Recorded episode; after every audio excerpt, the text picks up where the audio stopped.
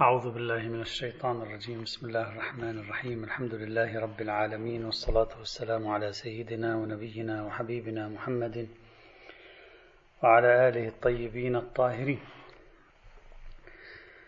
كنا نتكلم في العصير العنبي في القسم المخصص للدراسة المجموعية لهذه الروايات التي مرت معنا سابقا وهي عشرون رواية. وصلنا إلى البحث الثاني تحت عنوان بين غليان العصير العنبي وغليان ماء العنب. قلنا المقدار المتفق عليه والمؤكد من مسألة تحريم العصير العنبي المغلي هو أن يعصر العنب ثم يوضع على النار فيغلي. لكن توجد حالتان. الحالة الأولى أن نترك العنب حتى يتشقق بنفسه فيسيل ماؤه منه نأخذ هذا الماء ثم نقوم بغليه. هل هذا حرام أو ليس بحرام؟ هذا تكلمنا عنه سابقا. الحالة الثانية أن يبقى ماء العنب في داخل العنب. وهذا هو المسمى بغليان ماء العنب في حبه. وقد شققت القضية إلى شقين. أن نضع العنب في داخل الطبخ بما هو عنب ويظل على حالته الطبيعية ولا يكون ما في داخل العنب ماء وإنما العنب الذي هو جسم مليء بالرطوبات. لو تجمعت لصارت ماء لكنها لم تتجمع. هنا يوجد غلي للعنب. الحالة الثانية أو الصورة الثانية من الحالة الثانية أن يحصل تدخل خارجي بالضغط على حبة العنب. نضغط عليها فيتجمع الماء فيها في داخلها داخل حبة العنب ثم نضعها في الطبخ يعني نضعها في القدر ثم نغليها. فيحدث غليان داخل الماء الذي في داخل حبة العنب. قلنا هنا ذهب أو مال أو نسب إلى جماعة من الفقهاء التحريم لكن بعض آخر قال بالحلية. طبعا الفقهاء لم يميزوا بين هاتين الحالتين أنت مرة تضع العنب في القدر فيغلي العنب ولكن لا يوجد تجمع للماء داخل العنب وبينما الحالة الثانية هي أن يتجمع الماء داخل العنب بسبب تدخل خارجي بالضغط عليه كما نفعل مع حبة البرتقال ويغلي. هذا التمييز ليس موجودا في كلمات هذا التمييز في الحقيقة طرحه السيد الشهيد الصدر رحمة الله تعالى عليه. لكن السير مع هذا التمييز لا بأس به سيوضح القضية أكثر. نأتي للحالة الأولى العنب. ما زال عنبا لم تتجمع المياه في داخله في مكان معين مثلا في أسفله. هنا لا معنى للحديث عن عصير العنب. حرمة العصير العنب المغلي. بس لا يوجد عصير عنب مغلي هنا. هذا سالب بانتفاء الموضوع أصلا. لا يصدق غليان ماء العنب ولا عصير العنب ولا شيء من ذلك. لا معنى له. نعم ممكن شخص يقول غليان العنب في نفسه حرام. العنب العنب على النار حرام لا عصير العنب. إذا شخص قال أنا ألغي الخصوصية لا بأس إلا أن إلغاء الخصوصية. صعب كل الروايات وردت. في العصير العنبي أو في ماء العنبي أو ما شابه ذلك.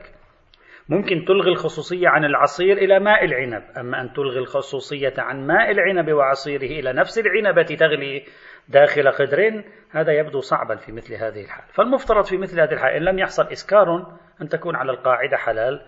ما دمنا الآن نبحث في تحريم العصير العنبي بعنوانه لا بوصفه طريقا إلى عنوانية الإسكار. هذه الحالة الأولى. أما الحالة الثانية لو أنك أنت تضغط على حبة العنب تتجمع المياه في مكان معين تغلي هذه المياه داخل حبة العنب بعد وضع العنب في القدر هذه يستدل على التحريم فيها. قالوا موضوع العنب عفوا موضوع الحرمة هو نفس المائع الذي في العنب. هذا موضوع الحرمة. عبر عنه بالعصير للغلبة والمفروض أن هذا ماء العنب غلا في داخل العنبة مفترض أن نقول بالحرمة. لأن المفروض أن المحرم هو ماء العنب ألغينا الخصوصية عن العصيرية. هذا الذي في داخل كل عنبة هذا ماء. فالمفترض أنه غلا. إذا صدق عنوان غليان ماء العنب. مفترض القول بالحرمة في مثل هذه الحال. هكذا ذكر. وأجيب عن ذلك بأن خصوصية العصر في الروايات إلغاؤها عرفي. أما خصوصية انفصال الماء عن العنب إلغاؤه غير عرفي.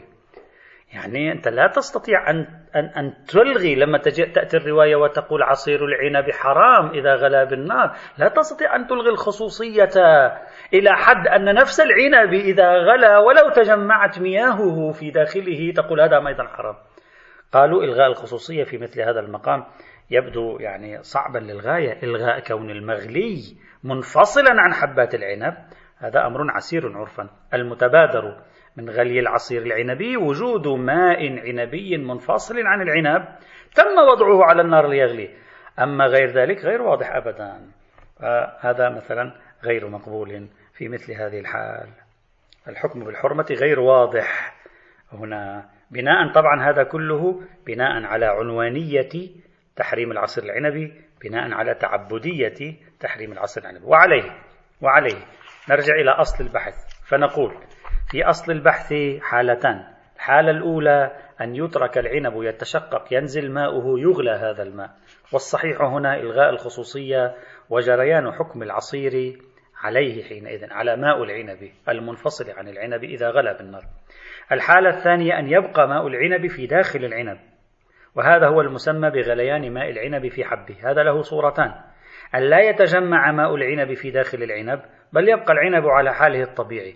وهنا سالبة بانتفاء الموضوع. لا يوجد ماء عنب غلا هنا حتى نتكلم عن الحرمة. الحالة الثانية أن نتدخل خارجيا ونفصل ماء العنب عن العنب لكن يبقى ماء العنب داخل العنب. في مثل هذه الحال إلغاء الخصوصية أيضا من عنوان العصيرية والمائية إلى عنوان كونه داخل العنب ولو منفصلا عن سائر أجزاء العنبة قالوا هذا أيضا صعب في مثل هذه الحال. طبعا هذا كله بناء على ذهنية عنوانية التحريم هنا. فيما بعد سنبحث. كل هذه البحوث أغلب هذه البحوث سنرى أنها تقريبا بلا ثمرة. إذا بنينا على ما بنى عليه جماعة من متأخري المتأخرين الذين قالوا إن كل هذه القضية ليست سوى مؤشر على موضوع الإسكار. البحث الثالث أو النقطة الثالثة غليان العصير بغير النار. طيب قلنا ممكن العصير عصير العنب إذا تركته لوحده يغلي لوحده بشكل تلقائي بسبب طول المكث وهذا واضح الحرمة أن هذا يصير خمر. ومرة أخرى العصير العنبي تضعه على النار يغلي. هذا هو نفسه بحث العصير العنبي المغلي الذي نتكلم عنه. لكن في بعض الأحيان يغلي ماء العنب لا بفعل طول مدة مكثه لوحده ولا بفعل النار. شيخ الشريعة الإصفهاني رحمة الله تعالى عليه ينقل عن بعض الطلبة يقول إن الذين يصنعون الدبس يلقون شيء من التراب في عصير العنب. فيحصل الغليان والفوران قبل الغليان بالنار. يعني نفس وضع الشيء من التراب في عصير العنب يمكن لوحده أن يوجد الغليان. وقال بأن هذا يؤثر جدا في حلاوة الماء العنبي. قال بعضهم هكذا يفعل.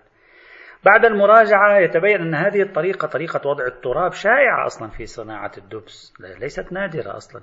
تعمل في العديد من المناطق خاصة يضعون ترابا أبيض ويسمى في اللغة العربية الحور ويؤثر كثيرا في حركة غليان العنب ماء العنب بحيث يتحول تدريجيا إلى أن يصبح مثلا دبسا. طيب بصرف النظر عن هذه الحالة التي تكلم عنها شيخ الشريعة الأصفهاني آه، الذي لم يكن مطلعا على تطورات الحياة فيما بعد الآن مسألة أن يغلي العصير. لا غليانا ذاتيا ولا بالنار بالنسبة إلينا مسألة بديهية. إمكانية تحقق الغليان بغير النار الآن صارت بديهية. أنت كثير من أشكال تضع صفيح ساخن صفيح حديدي توصله بالكهرباء يعطي حرارة قوية يغلي. أجهزة الميكروويف أيضا توجب الغليان. أجهزة تسخين الماء الآن كلها كثير منها بغير النار أيضا توجب الغليان. بل بعض إضافة بعض المواد الكيميائية يوجب غليانا على أشكاله أصلا وهذا واضح. فبالنسبة إلينا هذه المسألة اليوم جدا واضحة بديهية. لا تحتاج إلى إثبات قضية أن التراب إذا وضع آه، في صناعة الدبس سيؤدي إلى الغليان أو لا. المسألة بديهية. إذا حاصل السؤال. هل النار لها خصوصية في تحريم العصير العنبي المغلي؟ بحيث لو غلى بغير النار طبعا غلى بغير ذاته أيضا هل يكون حلالا أو لا؟ بعض الفقهاء مثل السيد اليزدي ذهبوا لشمول الحكم لما غلا بالشمس دون النار يعني إذا وضعته تحت الشمس بفعل حرارة الشمس القوية هي آه، جعلته يغلي. قال هذا حرام في مثل هذه الحال. يعني لم يعتبره غليانا ذاتيا سيد اليزدي بل اعتبره غليانا بفعل عامل خارجي وهو قوة حرارة الشمس المباشرة عليه. فيفهم من السيد اليزدي أنه يوسع الحكم إلى دائرة الغليان بغير النار. إلا أن شيخ الشريعة الإصفهاني قال لا, لا, لا, لا يعلم ثبوت الحرمة هنا. لماذا؟ قال ما ورد من النصوص ورد عنوان الغليان. عنوان الغليان طيب النصوص على أنواع. النوع الأول عنوان الغليان مطلقا. إذا غلا حرم قال عنوان الغليان مطلقا نفهم منها الغليان الذاتي. وهذا مر معنا سابقا. انتهينا. وهناك عنوان آخر ورد في النصوص أيضا وهو عنوان الغليان بالنار. وهذا المفروض ليس غليانا بالنار. فنرجع فيه إلى مقتضى أصالة الطهارة وأصالة الحلية. وعليه فالأخبار منصرفة عن الغليان بغير النار والغليان بالنار هو القدر المتيقن من الأخبار. فنقول كل غليان يحصل لا ذاتا ولا بالنار. لا يوجب تحريما على رأيه. إلا أن كلام شيخ الشريعة هنا قابل للمناقشة. وذلك أولا. أولا سأسجل إشكالا نقديا على شيخ الشريعة. شيخ الشريعة من الذين يقولون وسيأتي معنا إن شاء الله تعالى ممن يقولون بأن حرمة العصير العنبي المغلي ليست حرمة عنوانية وإنما هي بملاك أنه بعد الغليان يتسارع إليه الإسكار.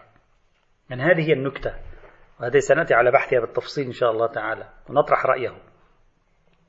يعني ماذا يقول شيخ الشريعة؟ شيخ الشريعة يقول هكذا إن الروايات التي دلت على تحريم العصير العنبي المغلي بالنار الذي لم يذهب الثلثان منه هذه الروايات ليس هذا له خصوصية وإنما لأنه في هذه الحال ممكن أن يكون صار مسكرا. سريع تحصل الإسكار فيه فتحفظا الشريعة منعت من تناوله لا أن له عنوانا مستقلا عن عنوان الإسكار. طيب. إذا كان الأمر كذلك يا شيخنا يا شيخ الشريعة الإصفهاني إذا كان هذا هو مبناك المفترض في بحثنا هنا أن أن تفصل أن تقول الغليان بغير النار هل يوجب تحقق عنوان سرعة الإسكار إليه؟ أو احتمال أن يكون صار مسكرا ونحن لا ندري؟ هذا يحتاج إلى بحث علمي. الغليان بغير النار من وسائل الغليان الأخرى. هل يوجب تحقق تلك الخاصية التي هي خاصية سرعة حصول الإسكار فيه واحتمالية حصول الإسكار فيه ونحن لا ندري؟ إذا كانت توجب ذلك إذا لا فرق بينها وبين عصير العنب المغلي بالنار. إذا يوجد فرق عليك أن تبرز هذا الفرق. أما أن ترجع إلى لسان الروايات وتقول الروايات خصت بالنار ونأخذ خصوصية النار ولا دليل على التسرية إلى خارجها ونتمسك بأصالة الحل وأصالة الطهارة فهذا على مبنى شيخ الشريعة ليس واضحا. إلا إذا شيخ الشريعة يتكلم على مباني القوم هنا. هذا أولا. ثانيا وهو إشكال حلي. النصوص الواردة في موضوع العصير العنبي بعد مراجعتها نجدها على ثلاثة ألسنة. اللسان الأول. اللسان الذي يستخدم عنوان الغلي بدون أي إضافة مثل خبري حماد معتبرة ذريح خبر محمد بن عاصم هذا كله مر معنا سابقا. هذه الروايات قلنا إن لم نجزم بأن المراد منها الغليان الذاتي أي صيرته خمرا بالمعنى الأخاص فلا أقل من كون ذلك محتملا. وبالتالي نأخذ بالقدر المتيقن ولا يمكننا التعميم. هذا واحد. ثانيا ما دل من الروايات على لسان التحريم لما غلا بالنار أو أصابته النار. مثل خبر عبد الله بن سنان معتبرة سعيد بن يسار خبر محمد بن الهيثم خبر محمد بن علي بن عيسى خبر الفقه الرضوي. هذه المجموعة الأولى والمجموعة الثانية ليست شاملة لموضوع بحثنا. المجموعة الثالثة التي لم يشر إليها شيخ الشريعة هنا. ما ورد بلسان الطلاء الطلاء ما هو المطبوخ من عصير العنب. مثل خبر أبي بصير صحيح ابن يعفور ابن أبي يعفور أو ورد بلسان العصير إذا طبخ. ما عندنا كلمة نار. العصير إذا طبخ كذا وكذا. ما عندنا كلمة نار. مثل معتبرة عبد الله بن سنان خبر عقبة بن خالد أو ورد بلسان البختج. البختج أيضا هو العصير المطبوخ. ما في قيد النار فيه. مثل معتبرة عمر بن يزيد معتبرة معاوية بن وهب معتبرة معاوية بن عمار. إذا كانت شيخنا شيخ الشريعة إذا كانت المجموعة الأولى والمجموعة الثانية لا يمكنها بحسب اللسان أن تستوعب حالة الغليان بغير النار فإن المجموعة الثالثة لسانها عام. نعم قديما الطبخ عندهم كان بالنار هذا يصبح انصراف بملاك كثرة المصاديق. هذا لا يوجب انصرافا في مثل المقام. ما دام عنوان المطبوخ متحققا فيه. ما دام عنوان البختوج متحققا فيه. ما دام عنوان العصير إذا طبخ متحققا فيه. بل أغلب الروايات في المقام تقريبا تكاد تكون من النوع الثالث وعليه الذي يترجح بالنظر أنه لا خصوصية للنار. أصلا حتى لو لم تكن المجموعة الثالثة موجودة لا يبدو أن هناك خصوصية للنار. العبرة بالطبخ فكيف مع وجود المجموعة الثالثة تصلح قرينة واضحة على رفع, الخصوصية؟ وإنما ذكرت النار في ألسنة الروايات من المجموعة الثانية لكونها الوسيلة الأشهر. بل ربما الأوحد عندهم في الغليان والطبخ بفعل الإنسان. ما عندهم وسيلة أخرى كان. لأن المسألة ظاهرة في التعبدية وعليه. فالأصح القول بحرمة كل أنواع الغليان غير الذاتي كما عليه كثير من الفقهاء. يعني إذا غلى غليانا ذاتيا فهو حرام وهو خمر. وإذا غلى غليانا بفعل الإنسان سواء أكان بالنار أم بغيرها ما دام تصدق عليه عنوان أنه غلا وطبخ وما شابه ذلك فإذا ينبغي الحكم بالحرمة ورفع الخصوصية عن النار.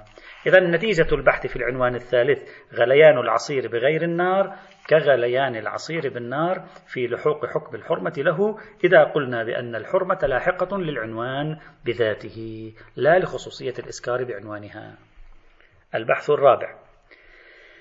امتزاج العصير بغيره. هذا بحث مهم وعملي وكثير البلوى مثل البحث الثالث. إذا امتزج العصير العنبي بغيره. خلينا عصير عنبي مع شيء آخر. وغلى ما الحكم حينئذ؟ هل حكمه حكم العصير العنبي أو لأنه امتزج بغيره خرج عن حكم العصير العنبي اللي هو الحرمة. أين تظهر هذه الثمرة؟ هذه الثمرة تظهر إذا أنت عندك طبيخ. عندك طبخ تطبخ طبيخا. تضع في الطبيخ شيئا من العصير العنبي يغلي معه. بل قد تضع العنب في داخله. يتفسخ تعلم أنت بتفسخ العنب وسيلان مائه في داخل الطبخ. ما الحكم في مثل هذه الحال؟ هذه مسألة واضح أنها شديدة البلوى كثيرة الابتلاء. فما الذي ينبغي علينا أن نفعله هنا؟ هذه المسألة وقعت موقع النقاش. يهمني هنا أن أركز سأطرح ما أفاده شيخ الشريعة من تشقيق ثم سأعلق عليه ببعض التعليقات الإضافية.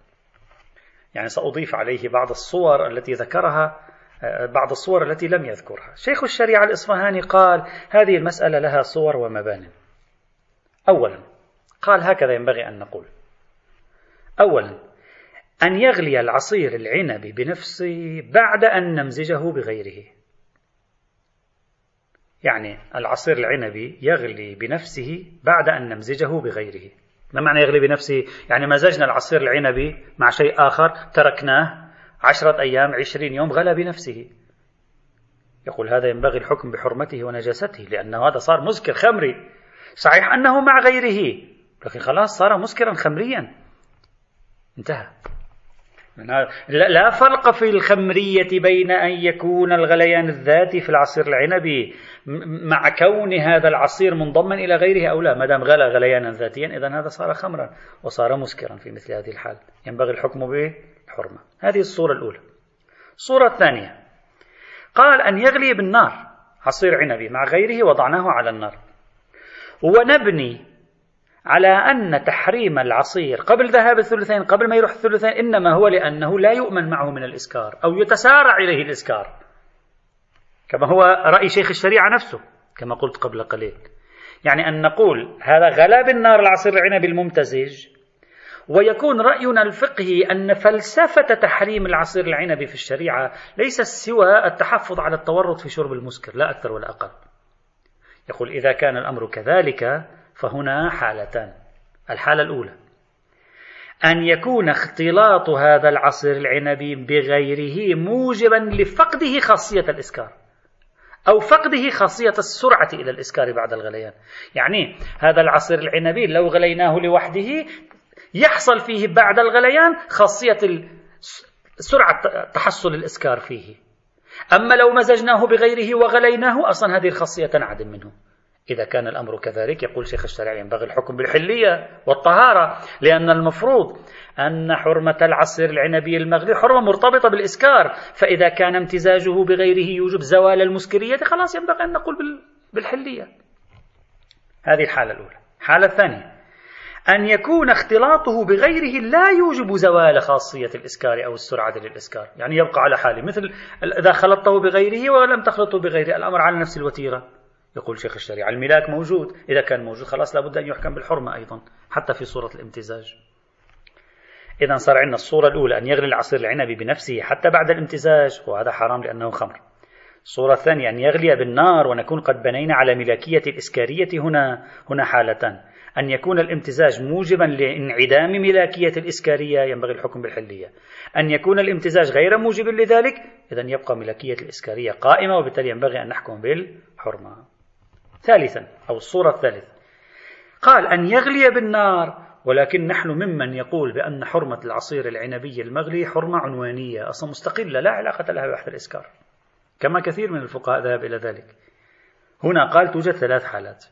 الحالة الأولى أن يستهلك العصير في الشيء الممتزج استهلاكا تاما يعني كمية العصير مثلا قليلة مثلا لتر وكمية الشيء الممتزج عبارة عن طن. استهلك استهلاكا تاما. هنا يقول لا إشكال في الحلية. الحالة الثانية أن يستهلك ذلك الممتزج بالعصير. يعني العصير كميته كبيرة الممتزج قليل جدا ذاك الممتزج استهلك. وهنا هم أيضا لا إشكال في الحرمة. خلاص ما هذا عصير أصلا. الحالة الثالثة لا يقع الاستهلاك. هذا هم كميته كثيرة هذا هم كميته كثيرة. لا نستطيع أن نقول استهلك أحدهما في الآخر.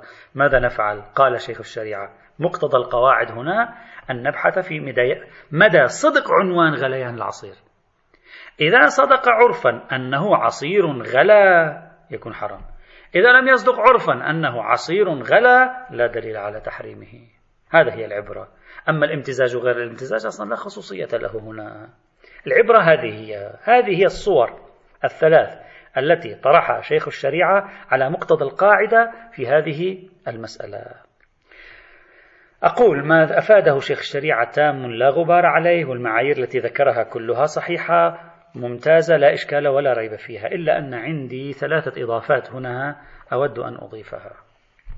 الإضافة الأولى يعني إضافات ليس إشكالات. لو اختلط العصير العنبي بغيره, بغيره وغلى بالنار وبنينا على مرجعية الإسكار مثل الصورة الثانية لكن شككنا هل أوجب اختلاطه عدم حصول خاصية الإسكار فيه أو لا؟ ما ندري. هل, هل هذه الخاصية أصلا انتفت منه أو لا؟ هذه صورة ثالثة وهي من صور الشاك لم يشر إليها شيخ الشريعة. والصحيح هنا الاستناد إلى أصالة العدم. ولا أقل أن نقول لا يمكننا التمسك بالعام هنا بعمومات تحريم العصير العنبي لأنه من التمسك بالعام في الشبهة المصداقية له. لأنه المفروض أن الأدلة تحريم العصير العنبي انصبت على عصير يسرع إليه الإسكار. هذا لا نعرف يسرع إليه الإسكار أو لا. التمسك بالعام في مورد شبه المصداقية لنفس العام باطل. هذا فضلا عن الاستصحاب أيضا. إلا إذا قيل إن مزاج الشريعة في قضايا المسكرات مزاج احتياطي فينبغي أن نحتاط هنا. هذا أولا. إضافة صورة. ثانيا. أن يمتزج بغيره ويغلي بالنار ونحوها. امتزج بغيره وغلى بالنار أو بنحو النار. هذا الآن. ولم نبني على صرف النظر الآن عن قضية الإسكارية. شككنا. هل استهلك العصير بغيره أو, أو, أو لا؟ أصلا لا ندري نحن. أفرض أن هذا مثلا لسبب من الأسباب الشركة التي تصنع أصلا نحن لا نعرف. هل هذا العصير المغلي الذي وضع مع هذا الشيء هل استهلك أو لم يستهلك؟ هل ذاك الشيء استهلك أو لم يستهلك؟ أصلا شككنا. ما الحكم؟ مقتضى القاعدة جريان استصحاب عدم تحقق الاستهلاك المشكوك وبالتالي ترتيب الآثار العدمية في المقام. يعني مثلا إذا شككنا في استهلاك العصير العنبي نقول الاستصحاب أنه لم يستهلك فنرتب آثار عدم الاستهلاك. هذه صورة ثانية أيضا لا بأس بإضافتها إلى كلامه رحمه الله. صورة ثالثا أن يمتزج بغيره ونبني على الحرمة المستقلة. مثل الصورة الثالثة عنده يعني. ولا يحصل استهلاك. لكن نشك هل يصدق عليه عنوان العصير المغلي أو لا؟ هل يصدق عليه عنوان أنه عصير غلا أصلا أو لا؟ حصل شك أصلا. لأنه الكمية متساوية. هل يقال هذا عصير غلا ثلث بثلثين العصير ثلث وذاك ثلثين لم يستهلك لكن هل يقال هذا عصير غلا منتشر في الأجزاء؟ هل يقال عصير غلا شككنا؟ مقتضى القاعدة هنا هو الحكم بالحلية ما لم نحرز أنه مسكر. تمسكا بالعمومات ولا يمكن الرجوع إلى عمومات تحريم العصير لأن المفروض أنه لا يمكن التمسك بالعام في الشبهة المصداقية لا يمكن تحقق نشك في تحقق عنوان الغليان هنا أصلا. فننفيه. هذا كله على مقتضى العمومات والقواعد. لكن توجد رواية وهي خبر مستطرفات السرائر خبر محمد بن علي بن عيسى اللي هو الرواية الثالثة عشر من الروايات التي مرت معنا. هذه الرواية وقعت موقعا يعني قد توجب إرباكا هنا.